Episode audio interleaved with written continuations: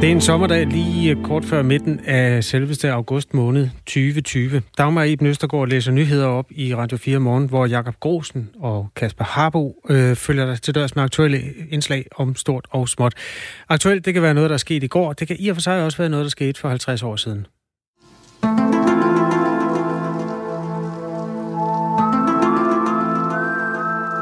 Det handler om uforklarlige fænomener på nattehimlen og væsener, som øh, biber, beamer en op i rumskibe. I tidens løb har mange fortalt om øh, UFO'er og aliens, og det er også øh, blevet rapporteret om her i Danmark.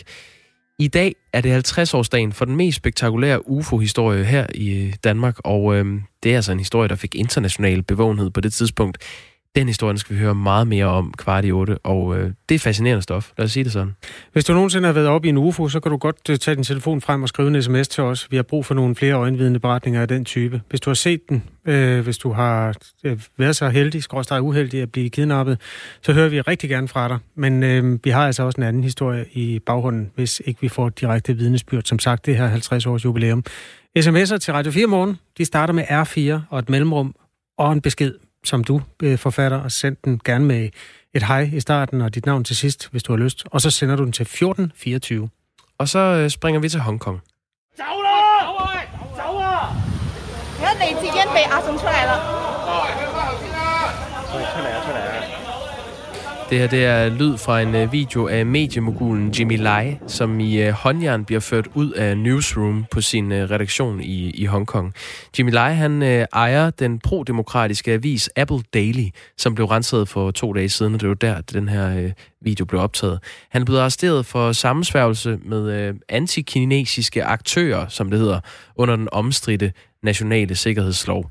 Og Jimmy Lai er langt fra et enkelstående tilfælde. Han er bare et af de seneste ofre for den her sikkerhedslov. Godmorgen, Camilla Tenna Nørup Sørensen. Godmorgen. Lektor på Institut for Strategi ved Forsvarsakademiet. Hvad, hvad er det, der sker i Hongkong lige nu? Ja, altså der, der bliver jo slået hårdt ned, øh, kan man sige, sådan lidt over en bred kamp øh, øh, i forhold til til forskellige, hvad kan man sige, grupperinger øh, i, i Hongkong, øh, som, som, øh, som ligesom altså fra Beijing bliver set som, altså som udfordrende. Ikke? Øh, øh, det, som I er inde på her, er det, er det medierne. Vi har også set de seneste uger, der bliver slået hårdt ned i forhold til, til, til forskere, altså til, øh, til, de, sådan, til den mere akademiske verden. Øh, der bliver også blevet slået hårdt ned i forhold til de unge, der ligesom har ført an i, øh, i demonstrationerne. Ikke? Så, så der bliver øh, ligesom, altså, ja, der, der bliver slået hårdt ned, og det er jo det, vi har været en smule Uh, altså, uh, det er det, man har været i tvivl om, ikke, i forhold til, da, efter at den her nationale sikkerhedslov blev, blev, uh, blev vedtaget der øh, uh, sidste juni. Det er jo, hvor, hvor hårdt den ligesom vil blive håndhævet, ikke, og, og også fordi, at det er nogle meget sådan, brede formuleringer, der er i loven. Ikke? Så, så hvad er det ligesom, man vil slå ned på, og hvor hårdt vil man slå ned? Og det er jo så det, vi begynder at se nu, ikke? at man slår meget bredt ned, og, og, og, og at man også til synligheden slår meget hårdt ned. Ikke? Hvor er ham her, Jimmy Lai, et, øh, et problem for det kinesiske styre? Øh, jamen, altså, man kan sige, det, det er jo, at han, at han har, øh, og, og med Apple Daily, altså har været en af dem, der, der også har støttet op om, om protesterne og nogle af de, øh, hvad kan man sige, nogle af de øh, interesser, nogle af de krav, som, øh, som protesterne, eller bekymringer og krav, som, øh, som protesterne har stået for, altså jo blandt andet, at, at, at Beijings indflydelse, Beijings rolle øh, i forhold til Hongkong øh, er, blevet, altså er, er, er blevet for stor, for voldsom, for dominerende.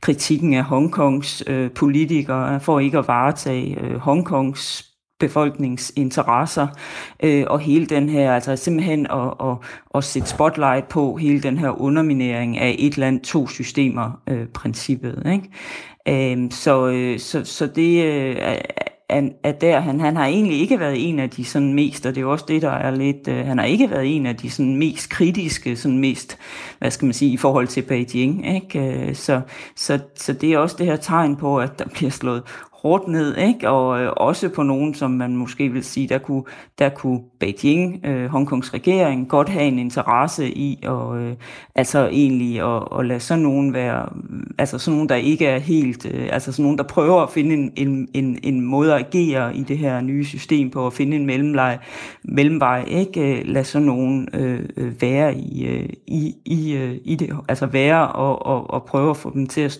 støtte op om det, man nu skal til at finde i Hongkong, som jo er en ny version, kan man sige. Den bliver selvfølgelig meget anderledes, men en ny version mm. af et land, to systemer. Ikke? Øh, ifølge Kina, så vil den her sikkerhedslov, som du sagde, så blev den, øh, så trådte den i kraft 1. juli. Øh, loven vil gøre det muligt at gøre op med det, som styret opfatter som øh, underminering, terrorisme, separatisme og aftaler med udenlandske styre. Men det har øh, mødt en del kritik fra, fra resten af verden. Øh, man kan undre sig lidt over, at Kina nu, hvor verdens øjne er rettet mod, hvad der foregår i Hongkong, alligevel slår så hårdt ned på de øh, politiske modstandere. Har du et bud på, hvorfor de, øh, de alligevel synes, de kan tillade sig det? Jamen det er fordi, at de, øh, altså, at de har været øh, dybt bekymrede øh, og frustrerede over den udvikling, der har været i Hongkong øh, i, i, i de senere år. Ikke? Altså med, den her, med de her protestbevægelser, øh, den stigende øh, uro, øh, der har været, ikke? og den måde, som Hongkongs regering ikke har været i stand til at, øh, at få styr på situationen. Ikke? Øhm, og så øh, til sidst har man, ja, hvad kan man sige, næsten mistet tålmodigheden, ikke? Øh, øh, og, og, og er gået ind øh, på forskellige vis, og altså også med, med at vedtage den her nationale sikkerhedslov, som ligesom også gør det øh, hvad kan man sige, mere med, at de har øh, en lov i hånden, ikke, øh, når de går ind øh, og, øh, og, og ligesom slår ned øh, i forhold til det, de ser, der er nogle af, hvad kan man sige, drivkræfterne bag de, den her uro, øh, der er i Hongkong. Så det er simpelthen for at få styr øh, på situationen, øh, og også jo få demonstreret, ikke, at, øh, at Hongkong er en del af Kina, og det i sidste ende er, er, er Kinas kommunistparti, der, øh, der, har, der skal have kontrollen, og der skal styre, hvad der, hvad der skal ske i, øh, i Hongkong. Ikke? Øhm, og der har man simpelthen set, at man ikke har kunne holde til øh, og, og lade den her uro øh, blive ved med at, ja, at udvikle sig og ikke have styr på, hvad der, hvad, der, altså, hvad der foregår i Hongkong. Og det skal også ses i konteksten af det af det hele tiden forværrede USA-Kina-forhold, øh, ikke? altså hvor de også har, har læst øh, udviklingen i Hongkong øh, i, i, ja, i konteksten af et, et USA, de ser som mere fjendtligt over for, øh, for Kina, ikke? og et USA, der så har kunne bruge Hongkong ligesom forsøg til, på forsøg på at, at influere, underminere, øh, svække øh, Kina, ikke? Øh, fordi at fra set fra Beijing, så støtter USA jo øh, Øh, de her forskellige øh, protestbevægelser. Ikke? Eller det er i hvert fald en vigtig del af det, er, at, at, at de har haft USA's øh, støtte, finansiel støtte og, og anden støtte, kan man sige. Vi taler med Camilla Tennep Nørup Sørensen, der er lektor på Institut for Strategi ved Forsvarsakademiet, om det, der foregår i Hongkong lige nu. Og vi har en opmærksom lytter, der hedder Daniel, som har et spørgsmål, du måske kan svare på. Øhm, jeg læser det op her. Med hensyn til Hongkong, aftalen mellem Kina og Storbritannien var, at byen først skulle afdrages nej, undskyld, inddrages om et par år. Måske mener han overdrages. Er det så ikke et bud på aftalen? Kan Storbritannien ikke annullere den aftale, da Kina ikke overholder deres del? Spørger Daniel. Øh, Ja, men det er jo igen øh, et af de der øh, svære spørgsmål. Det bliver jo diskuteret øh, i, øh, i London nu, ikke? Altså, hvad kan man gøre? Hvad står der i, øh, i den her øh, øh, lov, ikke? Øh, som, eller i den her aftale, som man har lavet mellem øh, Storbritannien og, øh, og, og, og, og Kina? Øhm, men øh, altså, det, det er jo også enormt svært, fordi det er jo, altså, det er jo i, i en del af Kina øh, i dag, ikke? Øh, og det er jo blevet integreret øh, i Kina økonomisk, øh, infrastrukturmæssigt. Øh, der bor mange kinesere øh, i Hongkong og sådan noget, så det er heller ikke... Øh, Altså, det, er heller ikke, øh, det vil heller ikke være så, så lige til, øh, og kineserne vil selvfølgelig aldrig tillade det. Ikke? Så det, der også er, af, af Londons problem, er jo altså, øh, hvor meget de, de reelt vil udfordre øh, Beijing. Ikke? Altså, der er jo kommet forskellige tiltag fra, øh, fra London, blandt andet det her med at tilbyde øh, folk, der holder, øh, øh, altså folk, der har øh, helt tilbage, der var øh, tilbage til, til overdragelsen af Hongkong, øh, øh, ligesom at øh, har nogen altså, tilknytning til øh, Storbritannien, tilbyde dem, øh, at de kan, de kan søge, altså at de kan søge til, øh, til øh, Storbritannien. Øh, så man, og jeg tror, det er omkring 300.000 Hongkong-borgere, der ligesom vil kunne falde ind under det, ikke? At, de kan, at de kan flytte til, øh, eller søge, søge, søge skjul, siger, søge, søge til mm. øh, Hongkong. Men, men, men det er ligesom altså, så langt, man, man er gået i forhold til at udfordre Beijing, ikke? Fordi ja. man, skal, man er jo også bange for at udfordre Beijing øh, for meget, ikke? Fordi der er jo ingen tvivl om, at Beijing vil aldrig tillade. Altså selv hvis Hongkong, eller hvis Storbritannien gik ud og sagde, at nu ser vi den lov, som, eller den aftale, som, som annulleret, I holder den ikke, jamen hvad kan de så reelt gøre? Ikke? Ja, men det er jo øh, det, vi kender fra købeloven herhjemme i et velreguleret samfund, at øh, så plejer der at være en vis mm. fortrydelsesret. Det er der altså ikke, når man øh, overdrager stater på den måde, som det er foregået med Hongkong her. Tak for udlægningen, Camilla Tena Nørup Sørensen. Det var slet. Lektor på Institut for Strategi ved Forsvarsakademiet. Klokken er kvart over syv. Alt, hvad der er galt i verden, kogt ned til en nyhed. Den kommer her. Smykkefirma producerer mundbind til 9,4 millioner kroner. Et mundbind? Et mundbind. Det er, et, øh, det er lavet af 18 karat guld, belagt med 3.600 øh, sorte og hvide diamanter. Øh, et israelsk smykkefirma ved navn Ivel er i gang med at producere det her. Og det bliver produceret til en privat kinesisk kunstsamler bosiddende i USA. Jeg skulle lige til at gætte på en russer, men okay. Kineser. Øh, en gut, der hedder Levi, øh, Isaac Levi fra øh, det her øh, israelske smykkefirma, han siger, han er en ung kunde, kunde, der har været hos os længe. Han er meget charmerende, meget udadvendt, meget rig, og så kan han godt lide at skille sig ud. Hvorfor er du synes, der er noget galt i verden? Fordi at, øh, der findes et menneske, der har råd til at give sådan et beløb for et mundbind? Ingen mennesker burde have råd til at købe sådan et mundbind.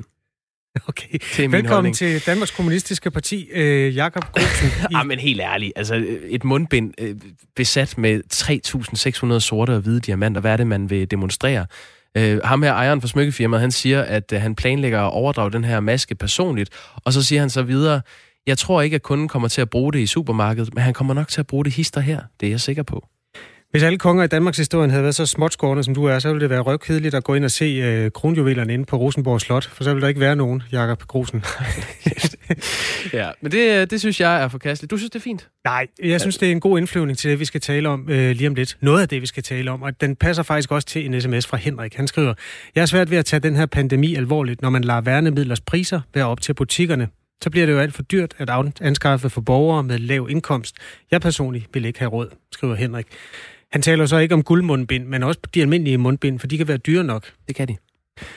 Og grunden til, at det passer ind i det, vi skal tale om nu, det er, at øh, forhandlingerne om genåbningens fase 4 øh, er i gang. Sluttede i går uden resultat. Sparket til hjørne, kan man sige, fordi de også skal sove en gang mellem de politikere der. Liselotte Blikst er sundhedsordfører i Dansk Folkeparti. Godmorgen. Godmorgen. Har du sovet godt? Ja, ja. jeg har sovet godt, da jeg først kom i seng. Ja, var det en lang en i går? Ja, jeg synes, det var lige lovligt langt. Det var næsten 10 timer, ikke? Så øh, jo.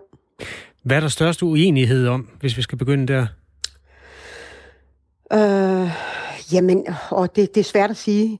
Jeg vil øh, starte med at sige, jamen, når man begynder at forhandle, så øh, øh lyder det jo som om, at vi alle sammen faktisk er, vi er jo enige om øh, kursen, øh, men mange gange så er det ligesom, hvad, hvad det er, hvad skal vægtes øh, mere end andet.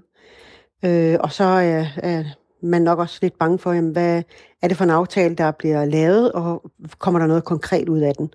Og det er nok det, som jeg, jeg har i hvert fald været lidt mistænkelig over. Det er konkrete. Hvad mener du med det? Jamen, øh, mange gange så skriver man, at øh, regeringen vil undersøge om bla bla bla. Og det vil jo sige, at øh, så kan du ikke være sikker på, at det faktisk kommer igennem. Det kunne være for eksempel, øh, jeg ønsker, at øh, patienter, der skal i øh, patientkørsel, de skal have øh, mundbind på. Det skal påbydes. Mm. Øh, det er noget, jeg har længe har undret mig over. Det mener jeg helt sikkert skal med i, når, når vi skal have sådan en, en aftale. Øh, og der, så, så, der vil man bare undersøge, om det er muligt at uh, påbyde sådan nogle ting. Og, altså, så er der jo ikke nogen konkret aftale i det. Men der, der er mange andre ting, og der, jeg synes, der er for mange visser og moskéer og Øh, og så er der ikke så meget konkret, hvad gør vi, når det opstår en, en, en smitte, som vi har set det i Ringsted og Aarhus, som bonger ud?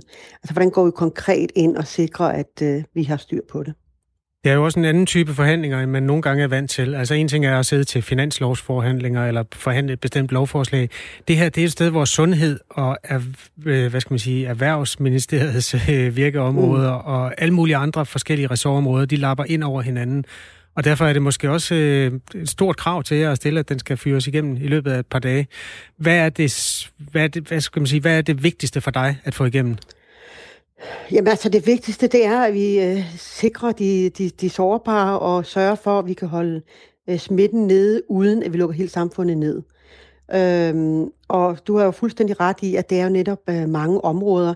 Vi skal ind og kigge på kulturen, altså vi skal vide noget om idrætten og øh, koncerter, og samtidig med, at vi skal også sikre, at dem, der så ikke kan åbne, får der økonomien er til den. Så, så, så der er rigtig mange ministerområder i, i mellem. Så der håber vi, at vi kan få lidt klarhed. Altså nu bruger vi her formiddagen til at stille en række spørgsmål, som vi så håber, øh, vi kan få svar på, sådan så det bliver lidt mere konkret. Lad os gå konkret til værks på kulturlivet, fordi det er en af dem, de har jo været gode til at gøre sig synlige i debatten om, hvorvidt spillesteder, altså de steder, hvor der foregår koncerter, om de kan åbnes i en eller anden version, mm. fordi det ikke er natteliv i den der superspreder forstand.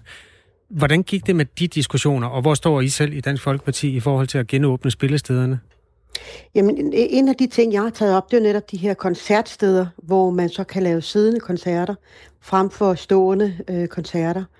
Øhm, og der har jeg også talt med nogle af de koncertarrangører, der er, der også øh, foreslår, at så kan de have mundbind på. Det kunne eventuelt også være, at man siger, jamen, man skal da være med at scrolle med. Altså, det vil faktisk også være rart at sidde til en koncert, og uden at blive generet af sidemanden, der synger falsk, ikke? Ja, det øh, kommer så det an på, være, hvad man, man hører, tror jeg. Hvilken type koncerter plejer du at gå til? Jamen altså, jeg går lige fra ACDC til R.E.M., eller hvad der ellers er. Okay, fint nok. men men øh, der er der ikke noget, der kunne ødelægge en koncert af, af folk, der enten scroller for meget med, eller snakker om alt muligt andet. Så det kan være, at vi faktisk også kan få nogle positive oplevelser over, at vi faktisk nu skal sidde ned og lytte til koncerten. Ikke? Hvis du øh, kan øh. indføre, at der er et permanent forbud mod at snakke til koncerter, så vil jeg sende dig julekort hver eneste år fra nu af. jamen, det var det.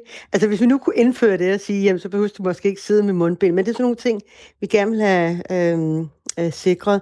Også fordi jeg ved fra nogle koncertarrangører, så øh, ender de måske med at må, må, må lukke luk stederne. Øh, og jeg tror da nok, at øh, mange af os godt kunne tænke os at, at kunne komme ind til en siddende koncert, uden at man behøves at, og øh, skulle smitte, øh, være en smitterisiko for andre. Men hvor tæt er, er det på de at løse noget på det felt der? Det er det, der har været fyldt mest de sidste dage. Hvor tæt er I på at blive enige om en eller anden version af genåbning af koncertsteder? Øh, jamen, jeg, jeg synes jo i bund og grund, at vi er faktisk sådan øh, meget enige, men, men det er også, hvad folk vil have ekstra ind, eller nogen vil gerne have løsnet det hele, og nogen vil måske stramme det hele. Altså, det er noget med at finde den her gyldne middelvej øh, i forhold til, øh, at man ikke strammer for meget, men, men heller ikke øh, lemper så meget, så det går ud over øh, visse grupper i, i samfundet. Og det er jo den vej, vi øh, ligesom skal kunne finde sammen. Øh, og det håber jeg da. Altså, jeg synes da, det så fint ud fra starten af. Nu gik de første 4-5 timer bare med at stille spørgsmål. Man kan også sige, det er jo, det er jo rigtig første møde, vi, vi har konkret efter sommerferien, og der er sket meget med, med smitten, så, så der er mange spørgsmål at stille. Øhm, så ja, nu, nu stiller vi ekstra spørgsmål til, hvordan vi kan gøre det lidt mere konkret, og så håbe på, at vi får en indkaldelse til et møde, eventuelt i morgen, og så øh, må vi jo arbejde videre derfra. Vores lytter, der skrev ind for lidt siden, han hedder Henrik, han er inde på noget af det, der også er politisk op at vende. Det er ikke genåbning i den forstand, men jeg vil lige spørge dig alligevel, fordi det er noget, der har været diskuteret mange steder. Er der på, er der en, skal der gribes ind med et loft over prisen på mundbind i øjeblikket? Mm, det begynder allerede at se øh, rimelig godt ud. Øh, der er flere, jeg ved, at øh, Coop kommer nu ud med, at de har mundbind til, til 3 kroner øh, fra i næste uge i alle deres Coop-butikker. Og det gør jo, at der automatisk kommer et loft. Vi har jo også haft det med, at der bør Hvorfor gør det gratis. Der er vel ikke loft på andre butikker? Det, det kommer automatisk. kommer konkurrence øh, kræften ind. Men øh, vi har jo også talt om det her med øh, gratis mundpind til nogen, øh, og det er også nogle af de ting, som vi taler om, hvordan kan vi sikre det, øh, hvor der, og hvordan kan vi det hele taget sikre den aftale, som blev lavet hos øh, Socialministeren, hvor øh, ældre og besøgende til plejehjem og ældre i eget hjem øh, kan komme til at få masker i kommunen. Der ligger faktisk en aftale, der er bare ikke ret mange kommuner, der har indført det, så, så, så det er noget, noget af det, vi spørger ind til i hvert fald. Liselotte Blikst, er du sikker på, at, øh, at det regulerer sig selv, det marked for mundbind? Nu øh, i mandags købte jeg en pakke med 50 stykker i til 99 kroner øh, et sted, og i går så jeg samme pakke til 300 kroner et andet sted. Altså, det er 6 kroner per, per mundbind, og det er type 1, altså dem, der dækker mindst. Er du sikker på, at det, øh, det ordner sig af sig selv? Nej, altså jeg så gerne, at øh, regeringen gik ind og lavede et loft over, hvad man må tage i avance for mundbind. Det ville være godt, men det har ministeren sagt nej til, og så kan jeg jo håbe på, at øh, markedskræfterne sikrer det, og derfor er jeg glad for, at Coop nu går ind, og så er der nogle forskellige øh, øh forretninger ved stationerne, som, som jeg ikke ved, hvad hedder, men øh, dem, øh, der ligger man også øh, ind nogen, der er rimelige priser, så altså de her par kroner. Øh, og gør man det, så vil jeg sige, så, så, så, så vil hvert fald ned på en pris, som de fleste kan betale. Ikke? I Jyllandsposten i går hørte vi øh, Dansk Folkeparti, jeg ved ikke om det var dig eller det var jeres politiske ordfører, der var ude og ytre ønsket om, at man kan tvinge smittede og deres nære kontakter til at blive isoleret uden for hjemmet, mm. for eksempel på et hotel. Ja. Øh, hvordan er øh, klangbunden for det forslag? Jamen, det, det mener vi også stadigvæk. Øh, og der snakker vi selvfølgelig om, hvordan kan sådan noget gøres, fordi vi har jo øh, midlerne til det, og vi har jo også gjort det øh, fem gange øh, i den her periode. Det er så hovedsageligt være nogen, der enten har en demenssygdom eller psykisk, psykisk syg. Så, så det er jo noget, man har gjort. Øhm, øh, grunden til, at vi har taget det op, det er jo netop i Ringsted. Jeg læste også, der er en del artikler i dag, der fortæller, hvordan øh nogle af slagteriarbejderne faktisk ikke holder sig indendørs, selvom de er smittet positive. Øh, og så nytter det jo ikke noget, at vi bruger øh, trecifrede milliardbeløb øh, på at holde et øh, land lukket nede, hvis øh, man ikke respekterer det. Og der bør man sige, jamen så må vi jo sikre, at øh, de kommer ind i stedet, hvor de kan få en, en god seng og noget mad at sove i, og så skal de blive der indtil de er testet negativ. Fik I nogen positive tilkendegivelser på den? Jamen, både og. Altså, det er da en af de punkter, hvor nogen vil lidt mere end andre vil. Så må vi jo se, hvordan den kan ende. Liselotte Bækst, vi følger den med interesse. Tak fordi du var med i Radio 4 morgen. Jo, så tak. God hej, arbejdsløst. Hej igen. Tak lige måde. Sundhedsordfører hos øh, Dansk Folkeparti, som altså er med ved forhandlingsbordet omkring genåbningen af Danmark, fjerde version. Kasper, vi er lige nødt til at vende et foto. Du får det her. Tak. Udprintet form. Det er en øh, ældre herre ved et... Nej, du beskriver. Hvad er det, du ser? Øh, ja, jeg ved godt, hvem han er, men nu kan vi bare sige, at det er en mand med grå, grå stænk, han sagt. Det, grå øjenbryn. Han, han er grå over øh, alle de steder, der vokser hår på ham, tror jeg. Man kan dog kun se hans hoved. Og så har han en lysblå skjorte på. Han sidder med sin telefon. Øh, han holder den lidt som om det var en fjernbetjening. Han holder den over mod et billede af den dame, som er hans øh, vicepræsidentkandidat. Fordi det, manden, det er Joe Biden. Mm. På computerskærmen er så... Øh, hvad er det nu, hun hedder? Kamala Harris, ja. øh, vicepræsidentkandidaten, og det er en videosamtale, de er i gang med. Og det er nemlig ganske rigtigt, han holder sin telefon med øh, mikrofonen, som man taler ind i, hen mod computeren. Så ligger der nogle papirer på en skrivebord, øh, og så er der en tegneserie. Det her billede, det er blevet dissekeret ned til mindste detalje på de sociale medier, efter han lagde det på Instagram sent øh, tirsdag aften.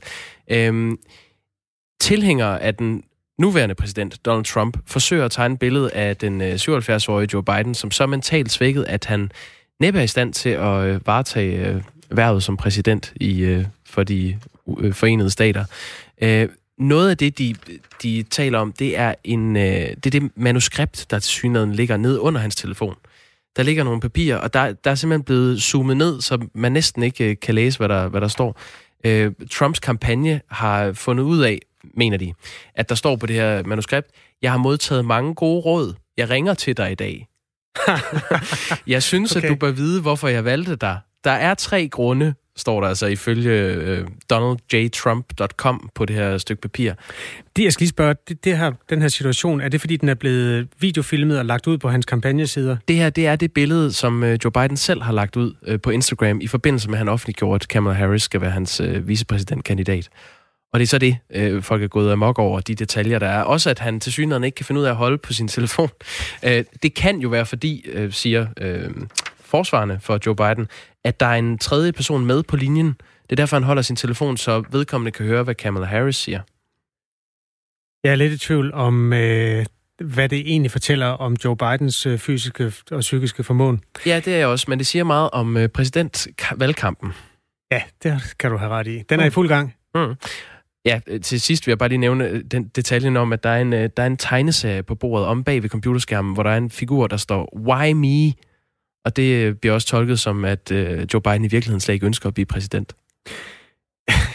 Jeg tror, at det ville være en god idé, hvis Joe Biden husker at have et stykke papir med navnet på de mennesker, han taler med. Var det ikke ham, der byttede om på sin kone og sin svigermor eller sådan et eller andet? Søsteren. Ja.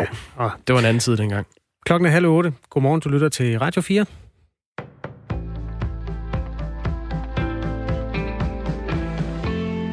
Gårdsdagens timelange forhandlinger på Christiansborg om en fase 4-genåbning endte ikke i en aftale.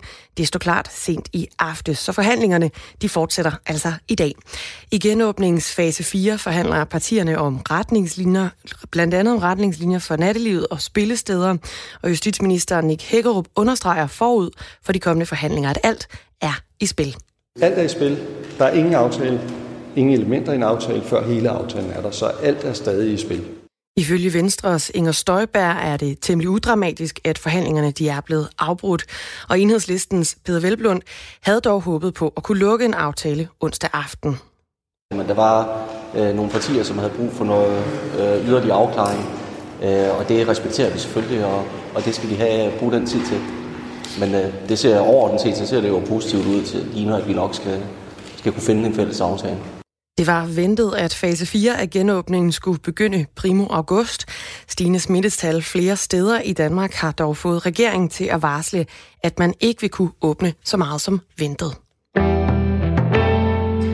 Takker du ja til at få udbetalt dine indefrosne feriepenge til oktober, så er der stor risiko for, at du vil få udbetalt et forkert beløb. Det fremgår af det lovforslag, som er ved at blive hastet igennem, så pengene de kan blive sendt afsted i oktober. Det skriver Jyllandsposten i dag. Problemet det skyldes, at arbejdsgiverne de endnu ikke har indberettet præcist, hvor mange feriepenge den enkelte lønmodtager har til gode. Så udbetalingen af de 59 milliarder kroner i feriepenge, de baserer sig derfor på Skattemyndighedernes indkomstregister, hvor der er et par store fejlkilder. Det forklarer Else Nyvang, der er kundedirektør i LD-fonde, der forvalter feriemidlerne. Det vil være næsten alle lønmodtagere, hvor vi ikke kan ramme rigtigt, siger hun til Jyllandsposten og tilføjer, at det nemt kan blive nogle 100 eller 1000 kroner i forskel.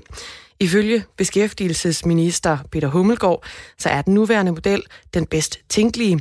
Vi kunne godt have taget hånd om alle de problemer, men så var udbetalingen ikke sket, siger han til Jyllandsposten. Man kan blive ramt af en stor sorg, når man får foretaget en abort, også selvom man selv har taget beslutningen. Derfor så efterlyser Nana Lund Jensen, der selv har fået foretaget en abort, nu hjælp til kvinder med samme oplevelser. Det fortæller hun til os her på Radio 4 morgen.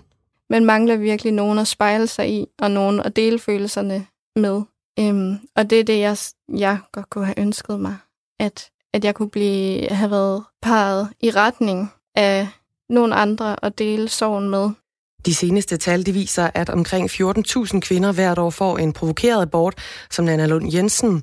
Af dem, der vurderer organisationen Møderhjælpen, at 10 procent oplever at få depressioner eller krisereaktioner på grund af deres abort. Fra hospitalet side fik jeg en folder med hjem efter aborten, hvor der stod lidt om, hvad man kunne mærke i kroppen efter, og at man måske kunne føle en tomhed. Men der var ligesom ikke mere end det i det. Sådan sagde altså Nana Lund Jensen til Radio 4 morgen. Og lige her på den anden side af nyhederne, der kan du høre et interview med Møderhjælpen i Radio 4 morgen. Vi spørger, om de gør nok for kvinder, der er ramt af sorg efter en abort. Men allerførst, så skal vi have en vejrudsigt. Det bliver tørt og solrigt, hvis man spørger DMI i dag med temperaturer mellem 23 og 28 grader. Ved kyster med pålandsvind, der kan det blive en smule køligere. Det bliver med en svag til jævn vind fra øst og sydøst ved kysterne i den sydlige del af landet, kan der stedvis komme op til frisk vind. I nat tørt og mest klart vejr med temperatur mellem 12 og 18 graders varme.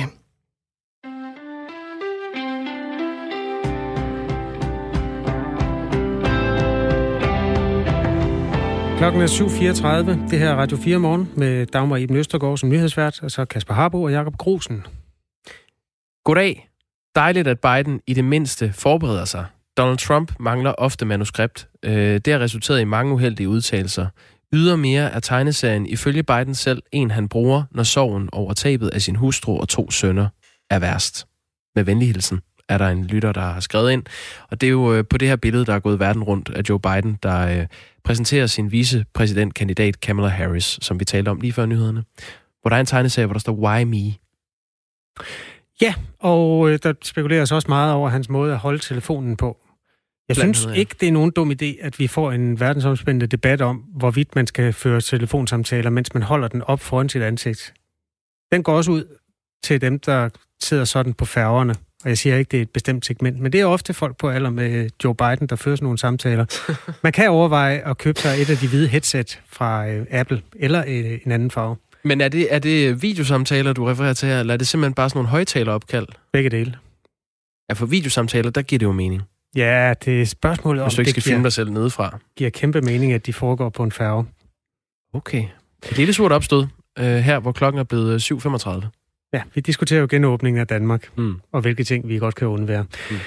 Nu skal vi til en af de store historier i Radio 4 morgen i dag, og den øh, handler om noget, der er alvorligt både for kvinder og for mænd. Abort fører, især for kvinder naturligvis, abort fører for mange kvinders vedkommende til depressioner og sorg, og mange af dem ved ikke, hvor de skal gå hen med de problemer, de står med, efter at abortindgrebet er foretaget. Vi har øh, talt med, og vi har tidligere bragt et længere interview med, Nana Lund Jensen, der tilbage i oktober valgte at få en abort, og efterfølgende blev ramt af stor sorg og mange depressive tanker. Det første, der skete i det, jeg slog øjnene op, var bare, at jeg begyndte at græde. Helt vildt meget. Og jeg lå og sagde undskyld, undskyld, undskyld. Og var helt overvældet af de her følelser, og også meget groggy fra narkosen. Øhm. Og så lå jeg på en øh, opvågningsstue i halvanden time. Og så blev jeg sendt hjem. Ja, det var altså et referat af, hvad der skete efter, at Nana Lund Jensen fik foretaget den abort i oktober sidste år. Hun mener ikke, der har været den rette hjælp til at få bearbejdet den sorg og de depressive tanker, hun blev ramt af. Jeg spurgte selv hos lægen, om jeg kunne få en samtale. Øhm, og det var det. Fra hospitalet side fik jeg en folder med hjem efter aborten, hvor der stod lidt om, hvad man kunne mærke i kroppen efter, og at man måske kunne føle en tomhed. Øhm, men der var ligesom ikke mere end det i det. Øhm, der, jeg fik ikke noget at vide om, at jeg kunne snakke med min læge eller, eller ringe til møderhjælpen. De seneste tal viser, at omkring 14.000 kvinder hvert år får en provokeret abort, på samme måde som Nana Lund Jensen gjorde. Af dem vurderer organisationen Møderhjælpen, som hun nævnte her til sidst, at hver tiende oplever at få depressioner eller krisereaktioner på grund af aborten. Nina Thomsen er direktør i Møderhjælpen. Godmorgen. Godmorgen. Folketinget har besluttet, at det er jer, der skal tage af de abortramte kvinder, der får brug for hjælp efterfølgende. Øhm, det er en del af finansloven, hvor I de sidste fire år har fået en bevilling på 400.000 kroner. Øh, nu fortæller Nana Lund Jensen her, at hun ikke har hørt om møderhjælpen, og derfor ikke vidste, at der var hjælp at hente. Hvordan har du det med? Jeg synes sådan set, det Nana fortæller er rigtig tragisk. Øh, at hun vågner op på hospitalet og bare græder. Det tænker jeg at et, et wake-up call på, også at den folder jo slet ikke er nok øh, fra hospitalets side. Og jeg tænker, der er noget, der, der tyder på, i hvert fald i Nannas historie, at, at, at vi også i samarbejde med hospitalerne skal blive bedre til at informere om det tilbud, som vi giver. Øh, For det er selvfølgelig et fælles ansvar, hospital, den praktiserende læge og møderhjælpen, og hjælpe de her kvinder.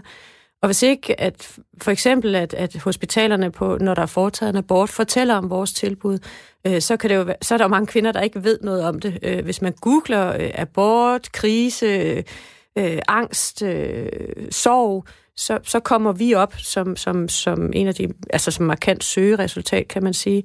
Men, men det er klart, at når jeg hører Nannas historie, så tænker jeg, at vi, vi skal altså have endnu mere dialog med, med hospitalerne og sygehusene, end vi har i dag, i forhold til, at, at de kvinder, som har brug for hjælp, eller virkelig alle kvinder får det her tilbud.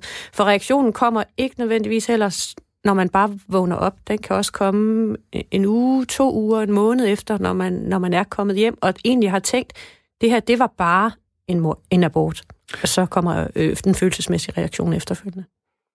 Det er jo mange menneskers øh, reaktion, hvis man søger hjælp på noget, at gå ind på Google. Hvis man søger på møderhjælpen, og så står der møderhjælpen rådgivning til børnefamilier og gravide. Hvis man går ind på jeres hjemmeside under Hvad er møderhjælpen, så står der faktisk heller ikke noget om, at I også rådgiver abortramte kvinder.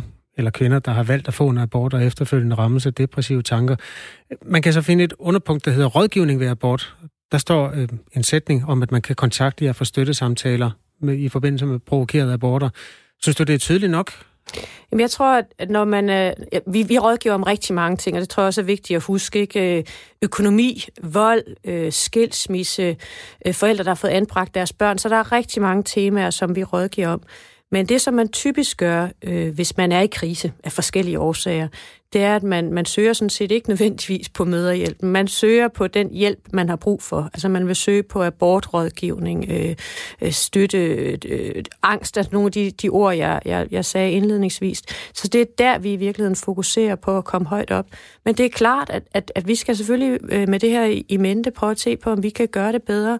Men jeg tænker også, det er et fælles ansvar. Det er jo både en en viden, som, som, som jo er, altså, gerne skal være hos de praktiserende læger, fordi det kan også være, inden man får aborten, at, at he, hele tvivlen opstår. Det rådgiver vi jo også omkring.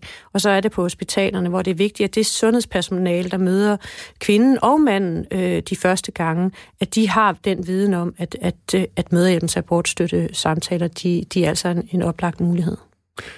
Ifølge jeres egne skøn, så oplever hver tiende kvinde der får foretaget en provokeret abort, stærke følelsesmæssige krisereaktioner eller en de- decideret depression. Hvis vi går ud fra de tal, vi nu kender, så vil det svare til omkring 1400 kvinder. Lidt over, faktisk. Sidste år, der fik I 133 henvendelser til jeres øh, telefonrådgivning. Altså, det vil sige, at der er faktisk 1300, som har gået rundt uden at kunne øh, uden enten ikke vide, eller i hvert fald ikke har gjort brug af den hjælp, de har fået. Hvad har I gjort for at sådan prøve at fange dem ind og få, få talt med dem? Ja, man kan sige, at det er en, en lille bevilling, som vi har fra, fra Sundhedsministeriet. Som sagt, så udløber den jo ved årsskiftet, øh, og jeg tænker sådan set, at, at det er oplagt at bruge det udløb, eller hvad man nu skal sige, at vi skal i virkeligheden genforhandle med, med Magnus Heunicke og Folketingspartier omkring vores bevillinger og kigge ind i, hvordan kan vi nå endnu flere øh, øh, kvinder øh, og, og mænd i virkeligheden, øh, som, som har øh, de her krisereaktioner. Og der tænker jeg, at, at det også kræver, at vi, vi får nogle flere midler faktisk til at kunne lave den her informationsindsats. Både på, på Google, på sociale medier, øh, det kan være videoklip, men det kan også være at finde ud af, hvordan er det, vi laver en endnu højere grad laver en opsøgende indsats, så frontpersonalet på hospitalerne, sygehusene, de praktiserende læger, de egentlig har det som standard i alle samtaler vedrørende abort, at de lige fortæller, at, at skulle der opstå noget, noget følelsesmæssigt, øh, så har man altså den her mulighed for at kontakte os øh, som en helt uvildig rådgivning, som ikke siger, om abort er den, er den rigtige eller den forkerte løsning, fordi det afhænger helt og holdent af, øh, at, at der selv i virkeligheden. Og hvis vi lige skal rise op, hvad det er, der bliver tilbudt, så er det altså telefonrådgivning og en samtale med en socialrådgiver i op til halvanden time. Nana Lund Jensen fortalte os tidligere på morgenen, at det, hun mangler allermest, det er et fællesskab, for eksempel en sovegruppe. Man mangler virkelig nogen at spejle sig i, og nogen at dele følelserne med. Øhm, og det er det, jeg, jeg godt kunne have ønsket mig, at, at jeg kunne blive, have været peget i retning af nogle andre at dele sorgen med. Ja, det kan du jo tage som et konstruktivt forslag, fordi jeg tror måske mange godt kan forstå, når du siger 400.000 kroner. Det kan man ikke øh, øh, bygge rom for. Altså, det svarer vel til en, en fuldtidsstilling på et års værk. Men det der med at orkestrere en sovegruppe, det vil måske være en af de måder, hvor man kan lade de soveramte hjælpe hinanden. Var det noget, I kunne tage op? Jamen, jeg synes, det, jeg synes, det er et godt forslag, og, og altså, jeg, altså, hvor er det bare ærgerligt, at, at vi ikke har, har, eller Nana ikke har kendt, kendt til møderhjælpens tilbud. Men det er klart, at, at, at det, man har brug for i første omgang, det er måske den her samtale med en fagperson, som, som man kan lytte til osv. Og, og så det, at man kan dele sin historie og spejle sig i, i andre, der har stået i den samme situation. Få råd og tips, eller hvad man nu skal kalde det, til hvordan man i virkeligheden kommer videre, eller få forståelse for, at, at lige nu der er du her i den her store krise, men, men der er også en vej ud af den krise, du står i. Så det er klart, at, at, at grupper, det kan være på, på, ind, på nettet, fordi det er jo spredt over hele landet, så det er måske, måske svært at samle for eksempel folk fra Viborg eller, eller Haderslev, eller hvor, hvor det kan være. Mm. Men, men at kunne lave noget sådan mere netbaseret, det tænker jeg er oplagt, men hvor man også altså, skaber nogle, hvad skal man sige, trygge rum, øh, fordi det tror jeg også, at, at de, de, de kvinder og mænd, der står i den her krise, har brug for, at det er et trygt rum, øh, man deler sin historie i. Vi har fået en sms fra en af vores lyttere, øh, som skriver, det giver vel også mening, at møderhjælpen ikke lige frem har det slået op med fede blokbogstaver på deres hjemmeside, for de er som navnet antyder en møderhjælp, og man er vel ikke en mor, når man har fået foretaget en abort, for det kræver vel et barn for at kunne være en mor. Mm. Hvad, hvad tænker du om sådan en sms? Mm, altså, jeg, jeg synes sådan set godt, at jeg vil kigge ind i vores hjemmeside, og, og kan vi gøre det lidt, lidt bedre der, men, men igen, vi laver rigtig mange ting, og, og selvom vi hedder møderhjælpen, det, hvis jeg skal lave sådan en lille disclaimer på det, så rådgiver vi jo sådan set både fædre og mødre. Det, det, det er et navn, vi har haft med historisk. Øh, men også, og, og så rådgiver vi selvfølgelig også øh, gravide i den her sammenhæng. Øh, men jeg tror, vi skal gøre, gøre, gøre alt, hvad vi kan for, at, at den hjælp, som vi giver, at den er tilgængelig fordi når man er i en sårbar situation, så har man jo heller ikke overskud til at skulle travle alle mulige øh, øh, ting igennem for at finde ud af, hvor det er, man får hjælp og støtte. Og det er jo der, Google i virkeligheden er en, en rigtig stor hjælper øh, ofte, fordi det er der, vi søger om alt fra, fra ejendomsmaler til, til virkeligheden også, når vi står i, i en livskrise. Øh, så det kan meget. Øh, så så min, min vej er virkelig at sige, lad os tage et gennemsyn af vores, vores hjemmeside. Øh, lad, os, lad os tage en snak med ministeriet i forhold til, om vi skal lave mere informationsindsats. Og så er det klart, at oven på, på Nannas historie, så, så, så, så kommer vi til at skrive ud til, til landets hospitaler og syg, øh, sygehus omkring vores rådgivning for at sikre os, at de har kendskab til det. Øh, det, det skal de selvfølgelig have, øh, og det, det er et fælles ansvar. Jeg, der kan jeg ikke vide, om, om, om Nana har talt med en, en sygeplejerske, som ikke har kendt det, og det har været inde i hospitalets rutiner, at man har ellers øh, giver, giver den råd og vejledning om, at møderhjælpen er til stede. Øh, men det skal, det skal vi selvfølgelig følge op på. Det var et løfte fra Nina Thomsen, som er direktør i Møderhjælpen. Du skal have tak, fordi du var med her. Selv tak. Klokken er 7.46, og det her er Radio 4 morgen. På den øh, 13. august 2020, og øh, det er et helt specielt jubilæum. Nu bliver det mystisk. Det er præcis 50 år siden i dag, at politibetjent Evald Hansen Morup havde en meget mystisk oplevelse på en øde landevej i Haderslev. Det var en oplevelse, der den dag i dag, 50 år senere, stadig bliver kaldt en af de mest spektakulære UFO-oplevelser i Danmark nogensinde. Ole Henningsen, godmorgen. Godmorgen. Godmorgen. Du er medlem af Skandinavisk UFO-information, og så har du øh, interviewet ham her, Evald Hansen Måb, dengang han var i live. Han, øh, han døde i 1993. Inden vi øh, taler videre med dig, Ole Henningsen, nu fik vi lige din stemme på, så skal vi lige øh, høre Evald Hansen Måbs øh, oplevelse. Øh, vi skal høre, hvor betjenten selv fortæller om det, der er blevet kaldt øh, møde i mørket. Og øh, ja, her følger hans egen udlægning af den mest spektakulære UFO-oplevelse her i Danmark. Lige pludselig, så gik lyset ud på vognen, og motoren gik i stå, og så opdagede jeg, at der var en stor lyskejle, der var ned over vognen.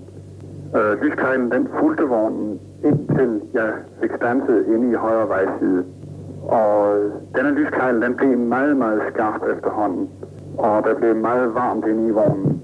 Så forsøgte jeg at kalde øh, han var Haderslev politistation over radioen, men øh, radioen var også død. Så kom jeg i tanke om, at jeg kunne prøve at fotografere. Men i samme øjeblik, at jeg har hånden op ved fotoapparatet, så ser jeg, at denne lyskejle, den ligesom slipper vognen. Og den var ligesom, den blev trukket op i et eller andet, der hang i luften over. Og lige snart lyset, det var forsvundet, så røg det hele til værd, uden en lyd. Der var intet at høre og intet at se.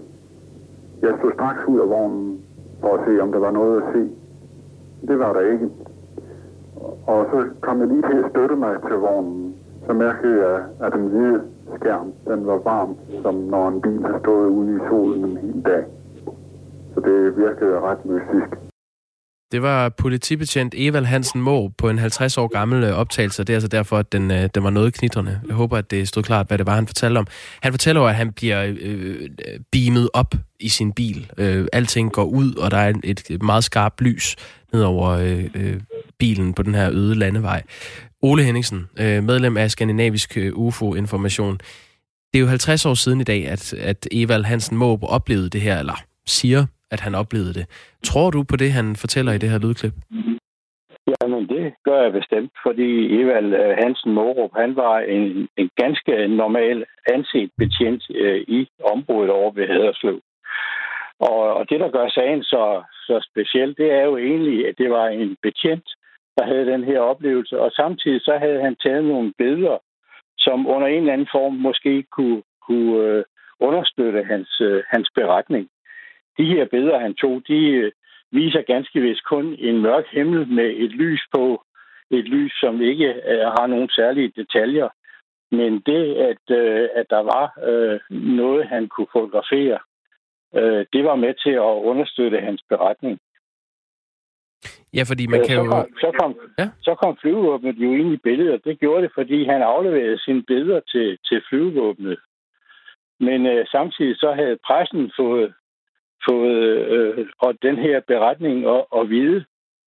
Øh, så de begyndte at og øh, hvad skal vi sige, at belejre flyvevåbnet og sige, vi vil gerne se de her billeder, og hvad var det for noget, og så videre. Og på den måde, så kom det danske flyvevåben ind i billedet også. Og det var ikke helt almindeligt dengang. Nej, fordi nu siger du, at han var en velanset uh, politibetjent. Man kan jo godt være en lille smule bims, selvom man er betjent. Men der var også nogle billeder, der, der bakkede det her op.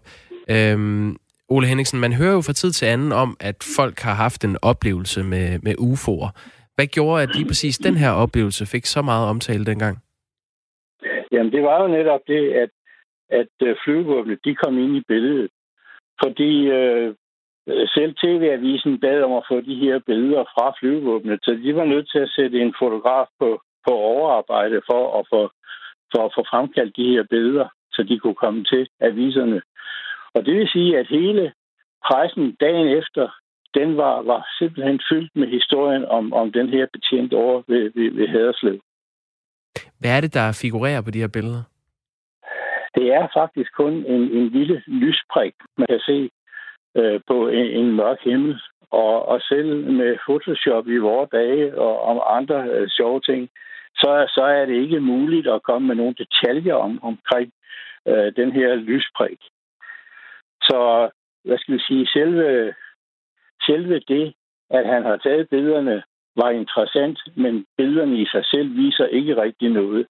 Men nu havde man jo fat i flyvevåbnet, og så siger man, jamen havde I noget i luften? Havde I haft noget ud at flyve? Og det havde man rent faktisk. Der havde været 6-33 jettræningsfly, der havde været ude og, og flyve. Og så mente man, at det var måske sådan noget, han havde set. Men øh, det er jo ting, som er blevet undersøgt i, i årenes løb. Hvad, hvad, blev, faktisk... hvad blev konklusionen? Ja, vi, konklusionen var jo, at her havde vi at gøre med et eller andet mystisk fænomen, som vi ikke rigtig vidste, øh, hvad, hvad det var for noget. Øh, flyvevåbnet, øh, de lavede rapporter om de her ting, og sendte øh, dels flyvestation Skrydstrup lavede en rapport, som de sendte til flyvertaktisk øh, kommando i Karup, og den gik videre til Forsvarets efterretningstjeneste. Og her mente man, at det var flere sammenhængende ting, øh, der gjorde, at Morup han havde haft sin, sin oplevelse af, af de her ting. Øh, vi synes, at det var måske lige lovligt øh, ejendomligt, at der skulle ske så mange forskellige ting på, på én gang. Men øh, som årene er gået, så er vi gået fra at synes, det var noget meget mystisk til at sige, Jamen, måske hvis vi havde vidst mere på daværende tidspunkt, kunne vi måske være kommet frem til en løsning. Altså som, øh, som konkluderede, at det ikke var en UFO, men at der var nogle andre faktorer? Vi er faktisk begyndt igen at undersøge sagen. Og øh, det der med, om det skulle være en UFO, øh, Morup, han nævnte aldrig øh, lige fra starten, at der, det havde noget med flyvende tallerkener eller UFO'er at gøre. Men øh, vi har jo indsamlet 15.000 rapporter i løbet af de sidste 60 år i vores forening. Og i det materiale, der kan vi ikke konkludere, at der er nogen noget belæg for, for at der skulle komme øh, rumskibe andre steder fra. Det er ikke jeres konklusion, at der kommer rumskibe? Nej, det er det ikke. Øh, der bliver set meget på, på nattehimlen, og øh, der er mange mennesker, de, øh, de kender sådan set ikke nattehimlen mere. Og undersøger man tingene meget nøje med de moderne redskaber, man efterhånden har, planetarieprogrammer og andre ting, øh, så er der ikke noget, der tyder på, at der kommer noget flyvende udefra. Jeg sidder og kigger på jeres hjemmeside, og de der indberetninger, de kommer jo med nogle gange hver eneste dag, og nogle gange med få dages mellemrum. Altså mennesker, der kommer kørende, er det typisk. Det er der, man kigger mest på nattehimmel. Og så er der lys af den ene eller den anden slags. Jeg er faktisk overrasket over at høre, at, at du... Jeg er godt klar over, at UFO, det står for uidentificeret flyvende objekt, og ikke som sådan, som rums... Øh, altså, at I har nogen præmis omkring øh, rumfart. Men ikke desto mindre havde jeg egentlig en forventning om, at du ville være mere overbevist. Er, er du helt sikker på, at der aldrig kommer Øh, rumskib til Danmark? Jeg har sådan set været overbevist en gang, men det var da jeg var 16 år, og det er jeg ikke mere. Og i de år, der er gået, så får man jo et, et, øh, stort erfaringsmateriale, dels mig selv og dels vores forening, Skandinavisk UFO-information. Og i det materiale, der, der, kan vi, der kan vi ikke på nogen måde se, at der er noget, som, som, øh, som tyder på rumskibe andre steder fra. Selvfølgelig er der ting, som vi ikke umiddelbart kan give en forklaring på, at det folk, de øh, melder ind til os. Og vi tager også alle henvendelser øh, alvorligt, når vi, når vi får dem. Men øh, et rumskib udefra, det har vi ingen beviser for på nogen måde. Er det, fuldstændig... det, vi laver i dag, det er faktisk øh, det er nærmest en folkeoplysning om himmelfænomener.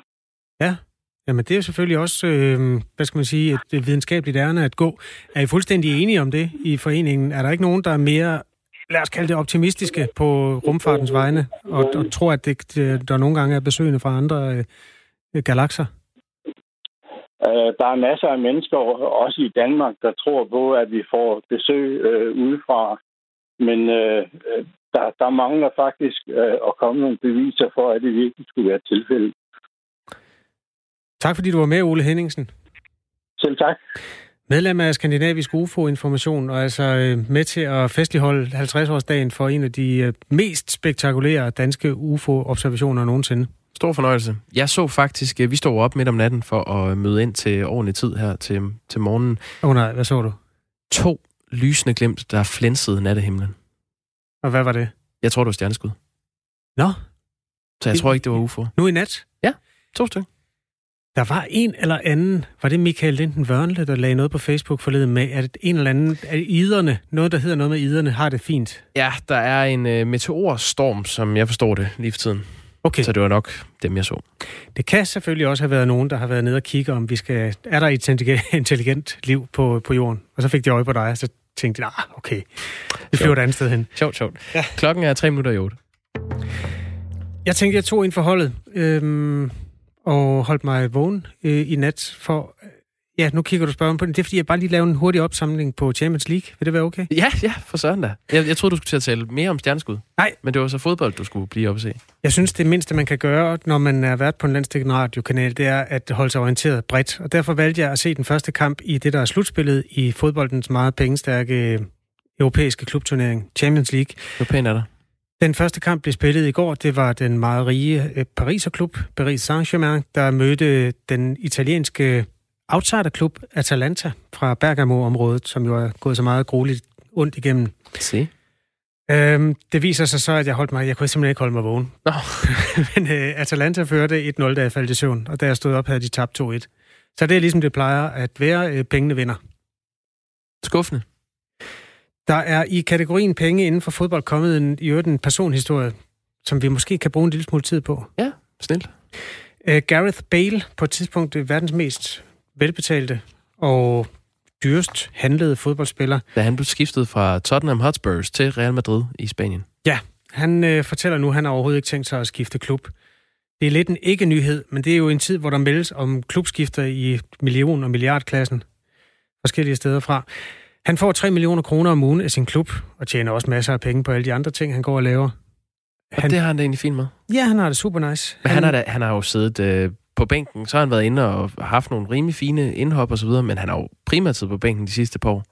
Han har været i klubben i syv år, og han har spillet mindre og mindre. De sidste otte kampe, Real Madrid har spillet, det har været uden ham. Blandt andet Champions League, øh, hvor de blev banket ud af Manchester City her i sidste uge. Øhm, og det han så bare fortæller, det er, jamen det er da okay. Det gør der ikke noget. Altså, hvis man får 3 millioner om, om ugen for at arbejde, og man ikke behøver at arbejde, vil man så selv sige, ah, det er for galt, eller vil man sige, det er fint? Nej, problemet for ham er, at han skal jo øh, tage en lønnedgang, hvis han bliver solgt, sandsynligvis. Og hvor lang tid har han tilbage i sin kontrakt? To år, stakkels mand. Hold op, det er længere at sidde der for splinter. Ja, to år, det er jo 104 uger, og hvis man så hver af de uger får 3 millioner kroner ind på sin lønkonto, så vil man måske, at det er der, hvor folk deles mellem et A og et B-hold. Nogen vil sige, at jeg bliver nødt til at komme ud og få arbejdshandskerne på, eller støvlerne. Andre vil sige, det er okay. Og Bale, han er altså type B. Han synes, det er fint. Han er typen, der skulle betale uh, topskat, hvis han skulle have udbetalt sine indefrosne feriepenge her i oktober. Han er så heldig at arbejde i Spanien. Det bruger de ikke. Klokken, den er blevet 8.